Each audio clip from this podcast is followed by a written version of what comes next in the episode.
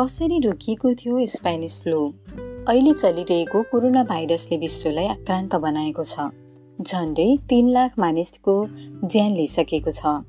तर कोरोना भाइरसभन्दा कैयन गुणा भयानक महामारीहरूले करोडौँ मानिसको ज्यान लिएको विश्व इतिहास छ। सन् उन्नाइस सय अठारमा फैलिएको स्पेनिस फ्लूको महामारी सबैभन्दा खतरनाक महामारी मध्ये एक हो। स्पेनिस फ्लूले विश्वमा कम्तीमा पाँच करोड मानिसको ज्यान लिएको थियो। अहिले कोरोना भाइरसबाट ज्यान गुमाउनेहरूमा अधिकांश वृद्ध वृद्धा तथा रोग प्रतिरोधात्मक क्षमता कम भएका र अन्य रोगहरूबाट ग्रसित भएका मानिसहरू धेरै छन्। तर स्पेनिस फ्लूबाट ज्यान गुमाउनेहरूमा बिसदेखि तीस वर्षसम्मका सुस्त युवा युवतीहरू धेरै थिए।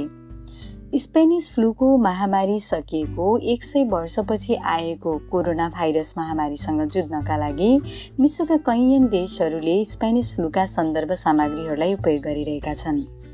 बेलायतको सार्वजनिक स्वास्थ्य सम्बन्धी निकाय पब्लिक हेल्थ इङ्ल्यान्डले कोरोना भाइरस विरुद्धको लडाइँमा एक आपतकालीन योजना तयार गर्नका लागि स्पेनिस फ्लूको सङ्क्रमणको फैलावट सम्बन्धमा अध्ययन गरेको थियो। अध्ययनबाट एउटा गम्भीर तथ्य के खुलासा भयो भने सन् उन्नाइस सय अठारको जाडोयाममा स्पेनिस फ्लूको लहर आएको थियो जुन निकै घातक साबित भयो। तत्कालीन समयमा दुनियाँ प्रथम विश्वयुद्धमा होमिएको थियो। स्पेनिस फ्लूको संक्रमण रोकथाम तथा उपचार र सावधानी अप्नाउने लगायतमा सरकारहरूको पर्याप्त ध्यान जान सकेन। भिडभाडयुक्त सैनिक परिवहन युद्ध सामग्रीको ओसार पसार तथा जङ्गी सामान बनाउने कारखाना बस तथा रेलहरूका माध्यमहरूबाट स्पेनिस फ्लू विश्वभरि नै डडेलुसरी फैलिएको थियो। सन् उन्नाइस सय अठारमा इन्फ्लुएन्जाको कुनै उपचार थिएन। साथै निमोनिया लगायतका श्वास प्रश्वास जन्य रोगको उपचारका लागि समेत कुनै एन्टिबायोटिक्स उपलब्ध थिएन। त्यस्तोमा अस्पतालमा बिरामीहरूको भिड लाग्यो। त्यस समय सङ्क्रमण रोक्नका लागि देशहरूमा अहिलेको जस्तो लकडाउन अप्नाउन पनि सम्भव भएन। यद्यपि धेरै व्यापार व्यवसाय तथा खेल प्रतियोगिता समेत युद्धका कारण बन्द भएका थिए। सडकमा डिसइन्फेक्टेन्ट छर्किने तथा मास्क लगाउने चलन पनि त्यति बेलादेखि चलेको थियो। यद्यपि मानिसहरूमा स्वास्थ्य सम्बन्धी जानकारीहरू पर्याप्त थिएनन्।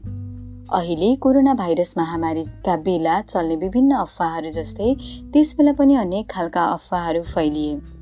नियमित चुरोट खाने गर्नाले स्पेनिस फ्लू नलाग्ने हल्ला चलाइयो। बेलायतको संसदमा त एकजना संसदले नै सोधे के दिनको तीन पटक कोक लिनाले इन्फ्लुएन्जाबाट बच्न सकिन्छ भन्ने कुरा सही हो? स्पेनिस फ्लूको महामारीबाट सायदै कुनै देश अशुद्ध रहे। तर महामारीको असर तथा महामारी विरुद्ध चालिएका कदमका सन्दर्भमा भने देशहरू बीच ठुलो अन्तर रह्यो। अमेरिकाका कतिपय राज्यहरूले नागरिकहरूलाई क्वारेन्टाइनको व्यवस्था गरे कतिपय राज्यले मुखमा मास्क लगाउन अनिवार्य गरे। सिनेमा रङ्गमञ्च तथा मनोरञ्जन स्थलहरू पूर्ण रूपमा बन्द गरियो अमेरिकाभर। अन्तत सन् उन्नाइस सय उन्नाइसको ग्रीष्मयाममा स्पेनिस फ्लू आफै नियन्त्रणमा आयो।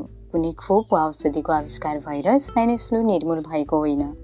सङ्क्रमितहरू कि त मरे कि त प्रतिरोधी क्षमताको विकास गरे। इन्फ्लुएन्जाको खोप त पहिलोपटक सन् उन्नाइस सय चालिसको दशकमा मात्र पत्ता लागेको हो।